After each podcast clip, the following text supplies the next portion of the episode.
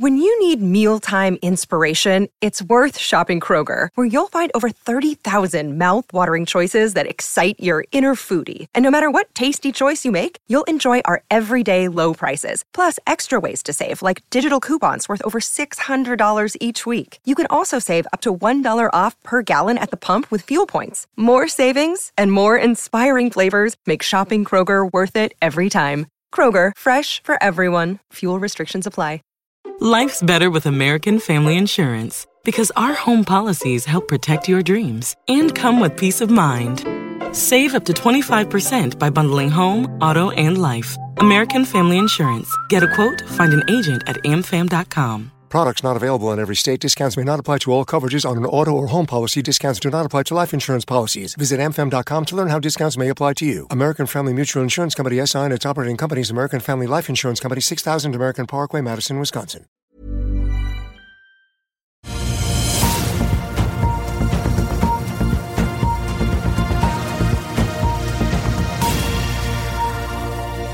Velkommen til Børsmorgen på denne iskalde onsdag 7. februar. Mitt navn er Marius Mørk Larsen, og med meg har jeg både aksjekommentator Karl Johan Molnes her i studio, og Marius Lorentzen er med oss på Equinors kapitalmarkedsdag i London. Men først Europeiske futures er svakt opp i dag. SNP 500-indeksen endte opp 0,2 i går. Nasdaq steg 0,1% mens SNP Asia 50-indeksen stiger 0,1 i dag.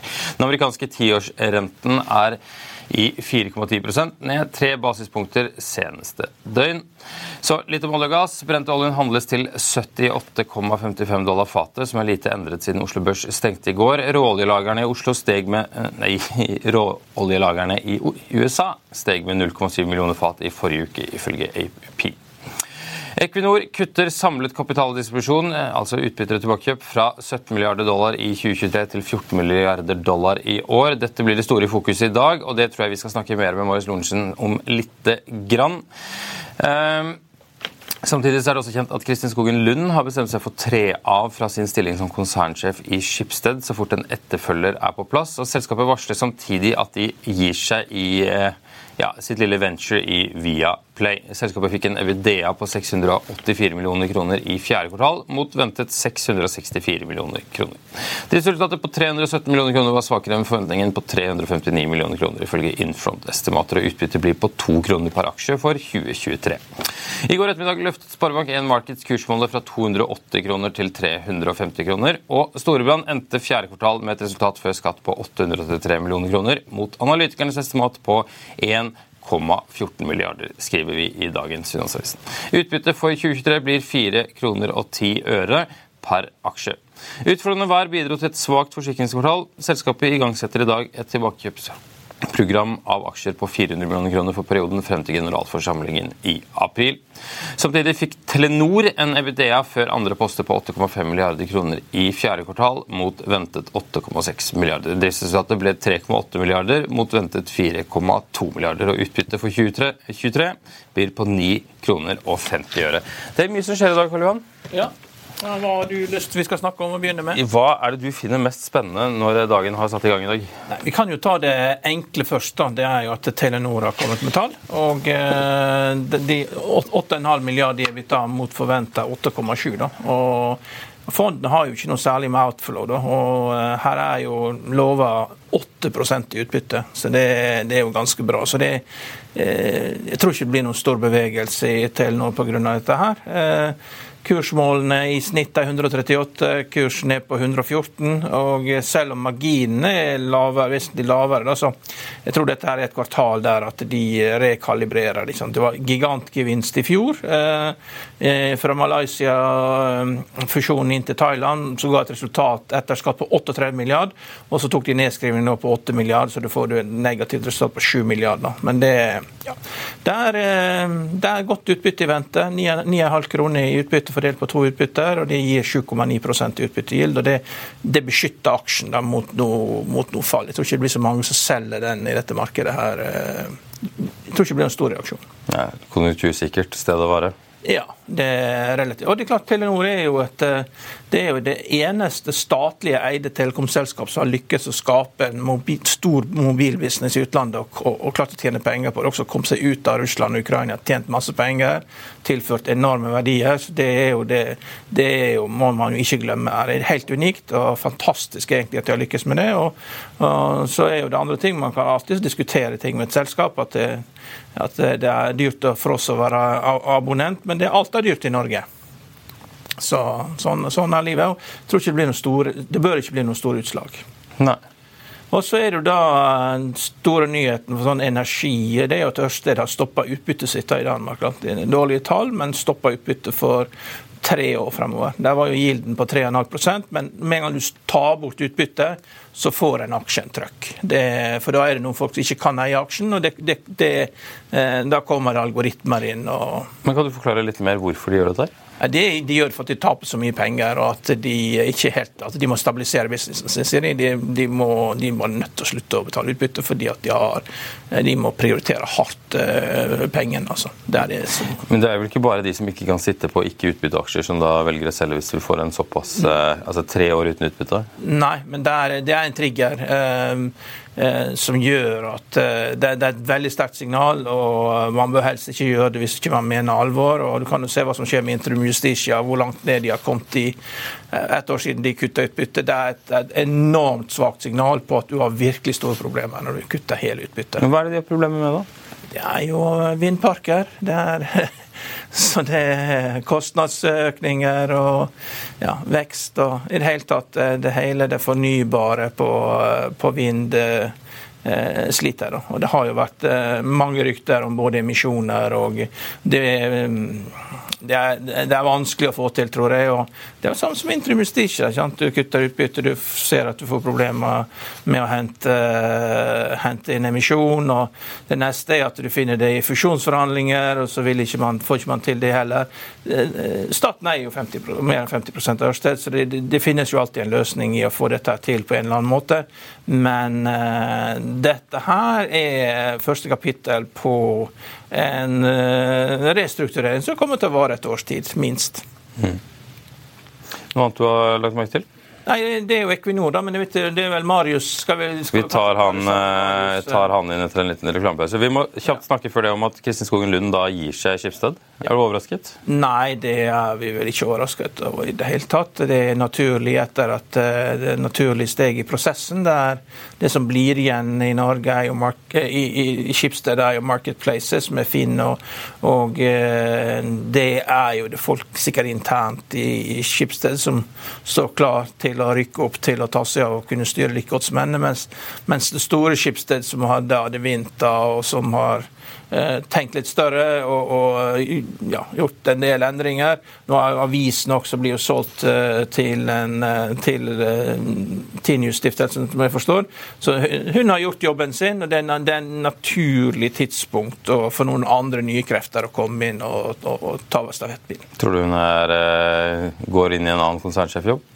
Det må du spørre henne om. Det, hun er jo kvalifisert, da, så det er opp til, opp til henne. Men det anbefaler jeg jo alltid, for livet er kort. Altså man, når man har sånne pauser mellom jobber, så må man ta seg en lang ferie. og så Hun går jo ikke ut på dato, hun kan jo komme tilbake og gjøre det hun vil. Ta seg en lang ferie og komme tilbake igjen til høsten og uh, slappe av. Det, det det skader ikke, det. Det er mange, mange, gode, mange fine annonser i våre aviser på hvor man kan reise for å få sett verden. og Det gir jo alt. 'Traveling never fails to inspire'. Så reise litt og sett seg litt om.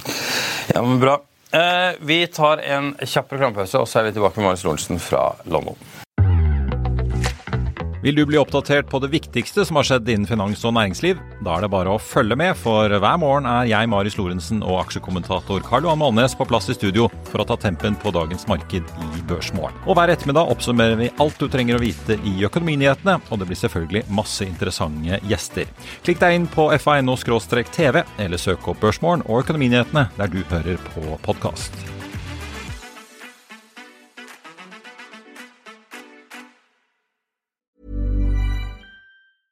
Summer's just around the corner, so give your body the care it deserves with Osea's best-selling Undaria algae body oil. Created by infusing Undaria seaweed in barrels of botanical oils, it leaves skin silky soft and glowing Plus, it's clinically proven to improve elasticity and deeply moisturize without feeling greasy. It's safe, clean, vegan skincare. Get 10% off your first order at oseamalibu.com with code GLOW, plus free shipping on orders over $60. I'll see you in court. Vi sier det ofte litt på spøk, men for deg som driver business, er det aldri moro å innse at du ikke har laget en 100% gyldig kontrakt. Du bør ikke risikere hele firmaet ditt fordi du synes dette med kontrakter er litt stress. En avtale er ikke en avtale. Du kan miste kunder, miste venner, ja, til og med miste inntekter om du ikke lager en skikkelig kontrakt, på alt mulig, egentlig. Men vi vet det er et styr. Kopimaskiner, tregprinter og haugevis av papir. Dessuten stoler vi jo på folk her i landet. Det er ofte litt kleint å skulle be om en signatur for alt mulig, ja, for mye av styret handler også om jakten på underskriften. Det finnes en enkel måte å løse dette på, Dukkobit, en trygg, effektiv og get this, gratis måte å sikre seg en god natts søvn pluss en juridisk bindende avtale.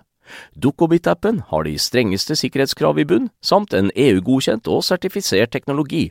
Framover vil det bli behagelig å spørre du, skal vi skrive under på det, eller? Kom i gang på dukkobit.no. Oslo på mandag, Bergen på tirsdag, og nå er du i London, Morris. Hvordan har det gått for eh, Equinor i dag? Det, det er i hvert fall eh, mye, får vi vel si. Masse nye tall og eh, målsettinger. Det interessante er at de begynner nå ikke bare å snakke om 2030 og at de skal bli et nullutslippsselskap i 2050, men de begynner å snakke om allerede hva vi kan forvente i 2035. Og de planlegger å produsere like mye olje og gass i 2035, men de skal også da doble kraftproduksjonen sin fra 2023-nivå opp til 2035. Så holdt jeg på å si cruisekontroll på olje og gassen og bånn gass på fornybar, men de gir seg selv også litt mer tid. Det snakket vi om uh, Ørsted, hvor også styrelederen går av, og de kutter ganske i målene sine også, uh, Karl Johan. Eh, for Equinor har jo hatt noen mål mot 2030, det snakker de ikke om så mye lenger nå på fornybar. Men de snakker altså om 2035. Så fornybar kommer, men det virker som de gir seg selv mer tid. Og de snakker også om hvor mye CO2 de skal fange, mellom 30 og 50 millioner tonn da i 2035. Det er litt opp. Det interessante er at avkastningen som de da forventer fra karbonfangst, også mellom 4 og 8 reelt sett, så ikke noe mer enn fornybar, og selvfølgelig langt lavere enn det både Equinor og Norge er vant med fra olje og uh, gass. Jeg tenkte jeg bare skulle ta de tallene med deg, Karl Jeg noterte det her. Ørsted eh, skulle i 2030 altså ha en kapasitet på 50 gigawatt. Det kutter de nå ned til 35 til 38 gigawatt. De skal kutte investeringsbehovet de neste par årene med 3 milliarder danske, og som du sa inn på, null utbytte. Og Så trekker de seg også da ut av Norge, Spania og uh, Portugal. Så ikke bare bare. En siste ting jeg bare tenkte å nevne angående Equinor og fornybar. Interessant nok, Pål Eitrheim, fornybarsjefen i Equinor, er her i London og skal møte oss i pressen i neste år. Men han skal ikke ha noen egen presentasjon på uh, kapitalmarkedsdagen. Det er konsernsjefen, finansdirektøren, også sjefen for norsk sokkel og også da teknologidirektør Hege Skryseth som skal. Det er interessant å merke seg at uh, det er kanskje litt uh, vet ikke, Det er nok en plan bak det hele, men likevel interessant at det ikke, da kjører frem et stort fornybart uh, budskap sånn på direkten. i hvert fall.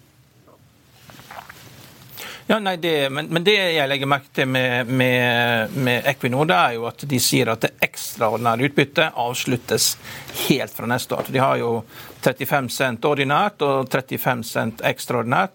Og Til sammen gir det bare en yield på 4,8% så, så da vil jo yielden komme ganske langt ned for Equinor. Da, da er det liksom tilbakekjøp av aksjer. Så det, eh, det er jo noe som eh, spesielt eh, altså, Alle utenlandske investorer som kjøper oljeaksjer, kjøper jo det gjerne for utbytte. og Det har jo brukt å være ganske høyt, da, men nå har man hatt høye priser, og da har man også fått utbyttegilden ganske langt ned. Så det, det er er nok noen som kommer til å selge på det, at de gir så klart signal om det. Men det er utenlandske investorer. Ja, Det er ikke utenkelig. For 17 milliarder dollar har jo vært det tallet vi har sett etter. Det var det de skuffet tilbake til aksjonærene i fjor. Eh, Theodor Stein Nilsen i Sparebank Market, som vi snakket med i Sandefjord Karlan, han eh, tenkte jo at de kanskje skulle øke til og med. Nå kommer Equinor etter andre konkurrenter i næringen som Exxon og BP og Shell og Chevron. En del der har jo faktisk økt litt, men nå ser vi altså Equinor gå ned til 14 milliarder, som du er inne på. De øker det ordinære utbyttet litt, men de ekstra forsvinner. Og så beholder de i hvert fall i år da, tilbakekjøpsnivået på 6 milliarder dollar. Det kan også bli 6 milliarder eh, dollar neste år, men det gir en range der på 4 til 6, eller i hvert fall 10 til 12 totalt sett over disse to uh, årene. Så vi får se litt uh, hvordan uh, markedet reagerer. Sprik, det var stort sprik i forventningene. Det var noen utlendinger som ikke venta mer enn 10 milliarder dollar i utbytte, og mens da nordmenn, da, som, som, du nevnte, noen venta helt opp i 18. Så konsen, utbyttet kom inn på konsensus, men det var veldig forskjellige forventninger ute og går her. Men heldigvis da så var det utlendinger utlendingen som er mest glad i utbytte, som hadde de laveste forventningene. Det er jo det viktige. Det er kanskje noen som smiler, eh, noen som smiler hos Morgan Stanley, jeg vet ikke. Ja, ja. Det er noen som er mer fornøyd enn andre. Nå faller jo aksjen 3,5 fra start i dag. Er det overraskende? Nei, altså det er jo det er, altså Når de sier de skal kutte eh, det ekstra utbytte for neste år, så det, det, det kommer til å merkes. Altså Du går fra 4,8% i gild ned til det halve. Det er veldig lav gild for å være en oljeaksje. Så da eneste, beste, sikreste måten å få igjen gilden til å gå opp på, er jo at aksjekursen går ned. Men det er jo ikke noe hyggelig. Nei, det er, de, altså, jeg holdt på å si, det er jo noen i neste år som har blitt vant til tosifret direkteavkastning på Equinor-aksjen, og for så vidt også en del andre oljeaksjer uh, i det siste. så Det å komme godt ned på ensifret, det, er, uh, det er ikke så hyggelig. Og disse oljeselskapene har jo måttet friste kapitalmarkedet med saftige utbytter over flere år. Uh, rett og slett pga. at en del ikke ønsker å sitte der, som Handelsbanken og andre. Ja. ja. Nei, men, men, men, det, det, det, er jo sånn det er jo sånn at Når et selskap leverer resultat, så er det alle som har bestemt seg for å selge, de selger på den dagen uansett hva som skjer. For da vet de at det er masse fokus på aksjen. Og de som har tvilt, da kan de gå inn og kjøpe fordi at de ser at de har fått uh, fersk informasjon. Uh, så det, det, er alltid høy aktivitet uh, uansett hva resultatene er på en resultatdag. fordi det er fullt fokus på aksjen. Det det jeg bare tenkte å nevne. Altså dette, disse ekstrautbyttene har jo vært ekstremt gassdrevet av den helt ville gassprisen vi hadde, særlig i 2022 i Europa. Nå får Equinor får vi si, kanskje da på litt lengre sikt litt drahjelp av Joe Biden, da, som må ikke ha flere nye LNG-prosjekter i USA, og som jeg vet ikke, kanskje tok noen europeiske politikere litt på eh, sengen. At det kanskje ikke blir så enkelt å få amerikansk LNG-gass inn til Europa som erstatning for uh, russisk. Men uh, jeg tenkte bare apropos det, da, fordi at uh, de snakker jo om utbyttene nå i år, men de begynner jo også å snakke om hva de planlegger av fri kontantstrøm, som må jo være ganske viktig da, når man skal avgjøre utbytte. De har jo tidligere sagt da, at de forventer rundt 20 milliarder dollar i fri cash fra drift etter skatt. Nå regner de med at det skal opp i 23, deretter 26 milliarder dollar årlig da.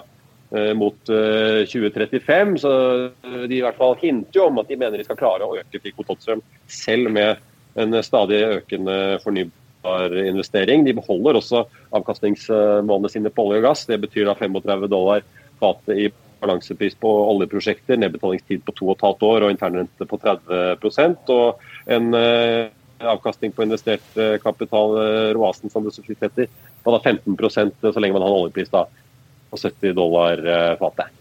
Ja. Men så har man sukra litt på ilden ved, ved, at man annonserer share buybacks da, 10-12 milliarder dollar fra 2024, i 2024 og 2025. Da.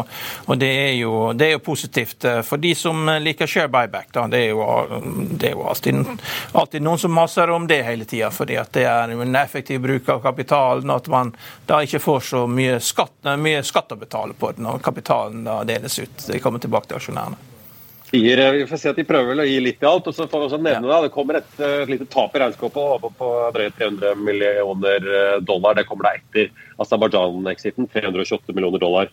Eh, hvor da mesteparten skyldes denne Aserbajdsjan-effekten. En annen ting jeg bare tenkte å nevne at Kapitalmarkedsdagen holdes jo da rett etter at EU-kommisjonen har kommet med sine nye klimamål for 2040. De er ikke bindende, da, men vi ser jo Karl-Han, at det har vært litt tautrekking i EU. Nå har de gitt seg litt på eh, ønskene sine om å kutte ned på kunstgjødselbruken. Så Landbrukslobbyen har vel vunnet litt frem der. Jeg ser i hvert fall det med Markets sin SG-analytiker Anne Margrethe Plato skriver i en rapport at EU eh, e gjør seg jo mye mer avhengig av CCS, altså karbonfangst. Så Det er jo ikke helt tilfeldig heller at eh, Equinor og andre er så opptatt av karbonfangst i sine målsettinger fremover. Det har vært mye eh, tunge protester nede i Europa med, eh, av bønder med fete traktorer, uten at vi har fått sett så mye av det på TV her i Norge. Det er jo, det er jo litt rart. da, Det er jo en viktig sak. Og, og bøndene vant jo fram, da. Så det virker som at det kuttet da i pesticide, som de skulle kutte ned da på, på gjødsel og eh, med 50 Plantevernmidler, unnskyld. ja. Mm. kommer, kommer ikke til å skje. Så får vi jo se. Så Lederen av tyske NHO er også ute og slaktet uh, Olaf Scholz, altså forbudskanslerens energipolitikk, for kalte den giftig for tysk næringsliv. Så uh, i hvert fall Budskapet her fra Equinor er at de ser jo ingen reduksjon i Europas energibehov på den fossile siden. Det er vel derfor de også sier at de planlegger å holde jevn fart. og Der vi er nå helt eh, frem til 2035, i hvert fall i det minste. En annen ting som vi har tenkt å spørre disse Equinor-toppene i dag om, er jo planene deres da i Canada. Vi har jo sett ressursgrunnlaget der på dette Baden Nord-funnet har blitt kraftig jekket opp nå til rundt 1,3 milliarder oljefat. Og Det var et prosjekt de og BP la litt på is pga. kostnader og kapasitet i leverandørindustrien her i fjor. Så vi får se om de da begynner å dytte litt videre på det som kommer til å bli et gigantprosjekt da utenfor kysten av Øst-Canada. Veldig bra. Vi eh, skal nok høre mer om Equinor kapitalmarkedsdag, men eh, nå skal vi eh, direkte tilbake i tid til Vestlandskonferansen hvor vi var i går. Eller ikke vi, Marius Lorentzen og Karl Johan Molnes, de var i Bergen. og Der snakket de med sjefen i Sparebanken Vest, Jan Erik Kjerpeseth. Og det intervjuet det kan du få høre nå. Her i Bergen så har eh, Karl Johan og jeg fått eh, besøk av byens store banksjef, får vi vel si. Jan Erik Serpeseth, konsernsjef i Sparebanken Vest. Eh, og Primus Motor, en av de blant arrangementet her, Vestlandskonferansen. Velkommen. Tusen takk for det. Nå skal vi begynne med å snakke om litt bankresultater, for dere slapp det jo helt på tampen nå i forrige uke. Ja, markedet sendte bankaksjen deres opp, legekapitalbevisene opp drøye 3% to dager på rad. Så netto renteinntektene steg med 25% mens kostnadene bare økte med 5 så det virker jo som eh, inntjeningen eh, går godt om dagen. Ja, vi eh, har levert et kanskje, nå har jeg vært sjef i ti år, kanskje et av våre beste underliggende resultater. 17,80 en kapitalavkastning uten engangseffekter. Så veldig godt fornøyd med dette kvartalet. Men Er det bare renteøkningen og gode rentemarginer og at dere har kontroll på kosten som driver dette, eller er det andre faktorer som man må merke seg? Fortsatt lave tap, selvfølgelig, og det kan jo endre seg eh, litt fremover. Vi kommer fra en situasjon med unormalt lave tap, og så skal nok det litt opp. Men, eh, men jeg tror at inntjeningen vår skal være ganske god videre, og særlig ja, Hvis du hadde spurt meg for et par år siden at om vi skulle komme under 30 på kost income, så hadde jeg kanskje sagt nei, ikke ennå, men nå er vi der. og og Det gjør jo at eh, vi er godt rusta for gode resultater framover. Jeg merket meg Dere sier at dere planlegger å holde dere på en kostnadsvekst på maks 5 eh, også fremover. Er det diktert av lønnsoppgjøret til våren eh, i stor grad, eller hvordan skal dere klare det? Altså det som er utfordrende, igjen til den generelle prisveksten. Men det er klart eh, vi har underliggende 18% økning i IT-kostnader. IT-kostnader enten Microsoft, Tieto Evry, er betydelig opp. Vi har jo sett rettssaken mellom Sparebank1 og Tieto Evry, der Tieto Evry skal ha bankene opp på et nytt nivå, bl.a. i forhold til kostnadene de har. Eh, så Det som er bra med vår eh, prestasjon i 23, egentlig, er at vi er på ny avtale med Tieto Evry. IT-kostnadene våre er opp 18 mens vi klarer å lande på en samla kostnadsvekst på 5% så det har vært skikkelig hardt arbeid. Men eh, litt betryggende for investorene i hvert fall at vi er på nytt avtalenivå med Tieto Evry. Der er jeg helt sikker på at Sparebank1 og Eika skal etter hvert også. Det betaler tid, men så skal de også opp. Karl, jeg tenker på Tapene fremover er jo en ting selvfølgelig mange vil følge med på, men ikke minst også om de rentenettoen holder seg, da, hvis kanskje ja. Norges Bank begynner å kutte etter hvert? Ja, og så er jo eh, Sparebanken Vest er jo veldig kostnadseffektiv med mobilbanken. da, Bulderbank, den vokser jo og vokser. så hva er eh, sluttplanen der? Har dere tenkt å spinne det ut som egen bank, eller vil det komme andre banker og si dette har vi mer bruk for enn dere, og vi er villige til å betale mye mer for det? fordi at eh, dere er flinke til å få det opp og gå, men det er liksom grenser for hvor stort det kan bli hos dere. Hvilke sluttplaner er det for Bulder-bank? Hva er end scenario? Så Det er jo et veldig godt spørsmål. Vi, vi dobla jo volumet i Bulder i fjor, så det har vært en fantastisk reise. og 2024 begynner veldig bra. Sant? Vi har hatt støyen rundt oss som gjør at uh, Bulder har hatt en eventyrlig vekst. Det som uh, er planen vår, er å bygge noe som på marginalbasis er innvannet på bankens egenkapitalavkastning. Der har vi sagt at vi skal være ved utgangen av 2026. Eh, vi skal ha en egenkapitalavkastning på marginal basis på konseptet mellom 7 og 9 i år. Der er vi på trekk.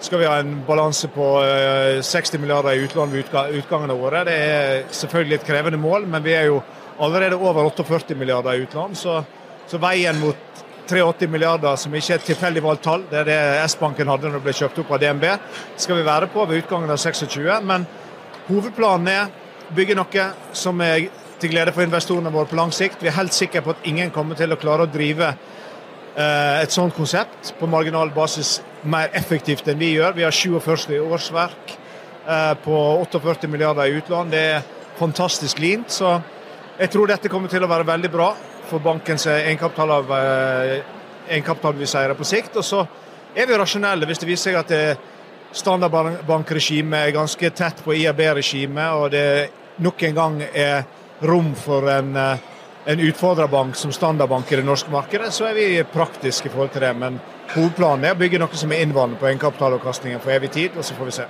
Det begynner å bli ganske stort. Rundt 46 av 195 milliarder i jeg i privatmarkedet nå. Jeg ser jo noen analytikere man skal regne med liksom at dere stiller med statsfunksjoner fra konsernet eller ikke. og og sånn, Men uansett så må det jo som du sier, dere må jo klare kunststykket. Og at kundene som kommer inn i Buller, de kommer fra Randi Marama og Inge Blekkelspiten i DNB og Nordea. Og ikke fra deres egne kunder i Sparebanken Vest, helst, da.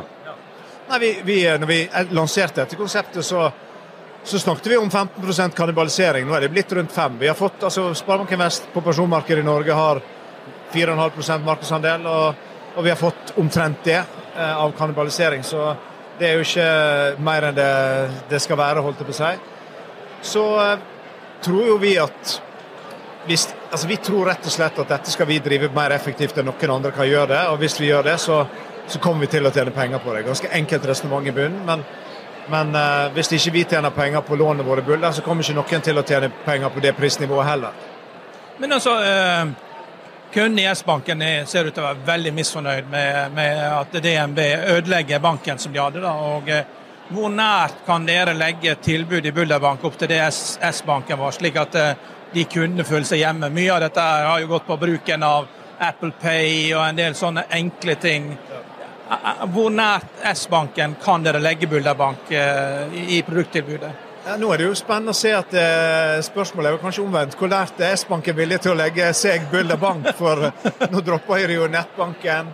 Eh, de gjør ganske mange endringer som ligner forsvinner på vårt mobile only-konsept. Så det vi ser er vel at kanskje at de nærmer oss oss. Og vi opplever òg at de eh, ser veldig til oss eh, når det gjelder øvrige områder. Hvis vi ser på prisingen i fjor, så så lå Bulder der en god del av året eh, godt, altså, rett i overkant av S-banken. Så S-banken var veldig skarpt prisa i fjor, sikkert for å unngå kundeavgang. Vi eh, tror vi skal matche S-banken på sikt, er ikke bekymra for det. og enn så lenge så er jo kanskje de den største konkurrenten, selv om ikke det er der vi får flest kunder fra. så er jo de en en konkurrent når kunden tenker at ok, vi ønsker et annet bankkonsept, nå ønsker vi en annen bank, da konkurrerer vi med S-banken, men vi henter det gjerne fra andre banker. Ja, jeg si, Hvis det er 5% nede dere er på, på, fra egne kundemasse, men hvor er det de andre kommer fra? Er det storbankene, eller er det andre små sparebanker, eller? Ja, nei, jeg tror at uh, så stor som Bull det blitt, så er det jo et tverrsnitt av uh, hvilke markedsandeler de store har. Uh, og så tror jeg at vi er, vi er nok litt overvekta på de store bankene. Vi er store i urbane strøk. Det har litt med hvilken risk vi ønsker å ta. Vi har en LTV, altså long to value, på 44% i snitt i den porteføljen. Og Det handler jo om at vi tar gode boliger i sentrale strøk som har god score i eiendomsverdi, som gjør at vi har ikke hatt en krone i tap ennå i Bulder, og skal det, sånn skal det fortsatt være. Vi må spørre litt hvordan eh, strukturen ser ut. for Dere fikk vel inn et, var det du slo opp i Karl Etne Sparebank, som ble ja. snappet opp av Sparebanken Est her i forfjor.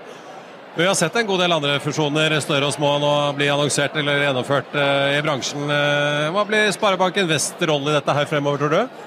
Altså, vi, vi, har sagt at vi skal drive så godt at vi eh, ikke trenger å inngå en allianse eller nødvendigvis bli større, hvis det går på tvers av det vi tror på, som er å bygge sterkt kompetansemiljø i vår region her på Vestlandet. Og så er det jo grådig spennende at det skjer noe i sektoren. da, Vi følger selvfølgelig nøye med og har våre diskusjoner uten at vi kan flagge det på på Du er ikke forhåndslagsere her? Nei, Nei det, vi, kan ikke, vi kan ikke gjøre det, men, men, det er veldig spennende at det skjer noe i sektoren. Og så er det veldig mye snakk om skala, da, men det blir mye preik. da, for Hvis du ettergår tallene, så er det jo ikke sånn at eh, kost income er lavest i Sparebank1 eller Eika.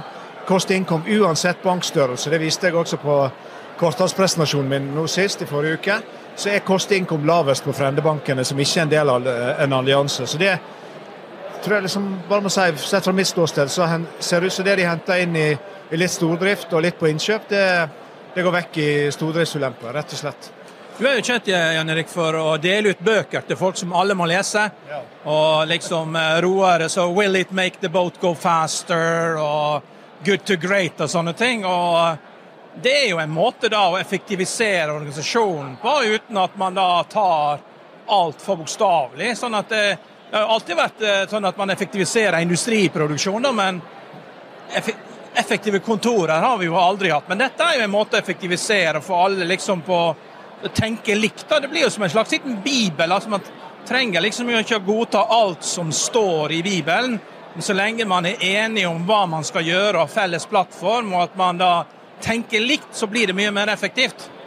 Altså, vi, vi har jobbet veldig med litteratur over tid. Ikke for å liksom uh, finne ut hva vi ikke tror på, men, men uh, rett og slett for å snappe opp et stammespråk, en måte å snakke på om felles utfordringer, kostnadseffektivitet på, som gjør at alle er på samme page, egentlig. Alle snakker om det samme, vi snakker effektivt sammen. Og, og den reisen vi har hatt når det gjelder nysgjerrighet på modeller, fag, finne ut hva som er anvendbart hos oss, er grunnen, tror jeg, til at vi har den sterke prestasjonskulturen som vi har, og at vi er vi, er, vi ser De siste ti årene så har Sparebanken Vest levert best egenkapitalavkastning av alle norske banker, inklusiv DNB. Det er vi grådig stolte over. og Det handler om en kultur som er bygd stein på stein over tid, bl.a. gjennom det du har vært inne på. Vi har brukt Jim Collins. vi... Akkurat nå så presterer vi så godt at nå bruker vi en bok som heter 'Sult i paradis'. Ja. som handler om det som alltid skjer når du gjør det bra, enten i idretten eller i, i næringslivet, er jo at eh, du graviterer mot average. Sant? Fordi at Da tenker du ja, ja, det er jo ikke her slaget står, vi driver jo så bra at vi kan innvilge oss dette. Og, og så siger du mot det gjennomsnittlige igjen. da, så Hvordan ser det ut når vi klarer å unngå den gravitasjonen. Det snakker vi veldig mye om i banken etter, at vi har prestert en, uh, veldig godt en god stund. Det er jo ingen by det er mer uh, attraktivt å ha en tittel som heter 'Sult i paradis', for det har vel ikke vært for mye sult i paradis i Bergen? For de, for de som er at det er på de referanse til et nabolag i Bergen, får vi uh, si da, så her kunde lokalkundegeografien sin. Men uh, kjempesett, vi må høre litt om utsikt nå. Vi hadde Monica Mæland her, snakket med henne, Fortell om optimismen, og dere skriver jo om det selv i Vestlandsindeksen i regnskapet. Det er jo en del pessimister ute og går. Bygg og anlegg sliter tungt. Ja, det går bra i olje og en del andre sektorer, men uh, likevel. Vi hører høyrenteforvaltere snakke om stigende mislighold. Uh, er det liksom uh, noe som bekymrer en bankdirektør utover den vanlige bekymringen du vel alltid skal ha? Altså Det som kjennetegner denne regionen, er at denne regionen har vært ekstremt god på å omstille seg uansett hva som har skjedd. Oljeprisfall i 2015, finanskrisen. arbeidsledigheten er lav, konkursraten er lavere enn det de sier i resten av landet. Eh, turisme går veldig bra, svak krone. Klimakrise i Middelhavet. Folk som kanskje ikke planlegger å reise til Middelhavet i juli, gjør at vi kommer til å få veldig gode sesonger framover, tror jeg, i, uh, i, turismen. Vi har fantastiske forutsetninger for å levere bra der. Så jeg er veldig optimistisk på regionsveiene. Og så er jo vi en bank som uh, er opptatt av å låne ut penger til det i bransjen og den regionen vi kan. Vi har ikke etablert oss i Oslo. vi de aller fleste av oss har vært med i banken en stund, vet at det siste som skjedde før finanskrisen, var at Sunnmørsbanken dro til London. Eh, jeg får litt av den stemningen i vår sektor òg når alle skal til Oslo. Eh, vi er ekstremt opptatt av å være disiplinerte, passe på at vi har en god lånebok, holde tapene lave, i hvert fall relativt sett mot andre. Og husk på at utlånsboken til Sparebanken Vest er egentlig lavere risiko i. Så det vil være best absolutt avkastning med lav risiko, så er den risikojusterte avkastningen god. 76% av våre utlån er til personmarkedet. 99 av utlånene våre til personmarkedet er innenfor eh, boliglån. Eh, og det aller meste av det, 96 er innenfor 70% loan to value. Så utlånsboken til Sparebanken Vest er konservativ. Vi har heller ikke mye egentrading på rente og valuta og aksjer. Vi har ikke noe fintech på fond som vi spekulerer i. Så, så vi har prøvd å, å, levere god avkastning, ta ned kompleksiteten, ta ned risken. Det gjør at selv om det skulle bli litt mer utfordrende tider, så, så tror jeg vi skal klare oss bra. Ja, er det sånn, vi ser jo Elektroimportøren de skriver jo åpent at de er i forhandlinger med DNB sin hovedbank nå, fordi de er i misnøye med lånevilkårene fordi driftsresultatene faller kraftig. Så har vi jo bygg og anlegg eh, hvor det er bråstans. Eh, regner dere med å få en del den, av den type caser i fanget nå i året som kommer, eller vi har begynt på? Så Noen av de bransjene du nevner, har jo i hvert fall vi over tid vært veldig opptatt av skal finansieres med betydelig andel egenkapital. Sant? Eh, så, så bygg og anlegg og et par av de andre bransjene du nevner, er jo godt kapitalisert. og Det vil jo være andre som tar tap før oss, sånn som vi vurderer det. Men, men at dette vil Husk på at vi kommer fra en situasjon med unormalt lave tap. At dette skal opp, det er jeg helt overbevist om. Sparebanken Vest har siden første kvartal 2020 i snitt hatt 10 millioner kroner i individuelle tapsnedskrivinger. Det er ekstremt lavt. Det vil bli litt høyere. Du, du er jo fra Sogn og Fjordane opprinnelig. og eh, I gamle dager var jo det sånn at eh, hele Sogn kom jo til Bergen for å handle på Vallendal. og det var, Bergen var byen, da, mens eh, Staten da, det var jo en sånn eh, som en Berlinmur da, opp mot Sunnmøre. Og Nå, eh, nå eh, krysser du Berlinmuren, oppretter kontor i Ålesund. Hvordan har det gått? Altså det, du, du snakker til en fyr som var født og oppvokst i Sogn og Fjordane når det nærmeste vinmonopolet var Bergen. Så det, ting, ting endrer seg. Eh, nei, Det har gått veldig bra. Jeg opplever at vi er veldig godt tatt imot i Ålesund. Og så er det alltid sånn at eh, når du skal bygge nytt land i bank, så får du en lav finansieringsgrad. Det koster litt ekstra når renta stiger og du ligger litt eh, bakpå i forhold til å få reprise boliglånene. Men jeg opplever at vi tar sakte, men sikkert steg i Møre og Romsdal, sånn som vi har gjort historisk i Rogaland. For Sparebanken Vest har jo ingen veldig lang historikk i Rogaland heller, i forhold til å se på innfusjonerte banker historisk. Vi er jo 200 år, og er jo summen av mange banker i Sogn og Fjordane og i Hordaland, men ganske få i, i Rogaland og Møre og Romsdal. Anne Kepseth i Sparebank Vest, tusen takk skal du ha, og lykke til resten av konferansedagen. Tusen takk for det, og tusen takk for at du tok turen. Eh, med det så skal jeg bare opplyse om at Økonominyhetene er tilbake klokken 14.30. Og du kan se og høre alle disse intervjuene og alle klippene du har lyst til å se på fa.no. slash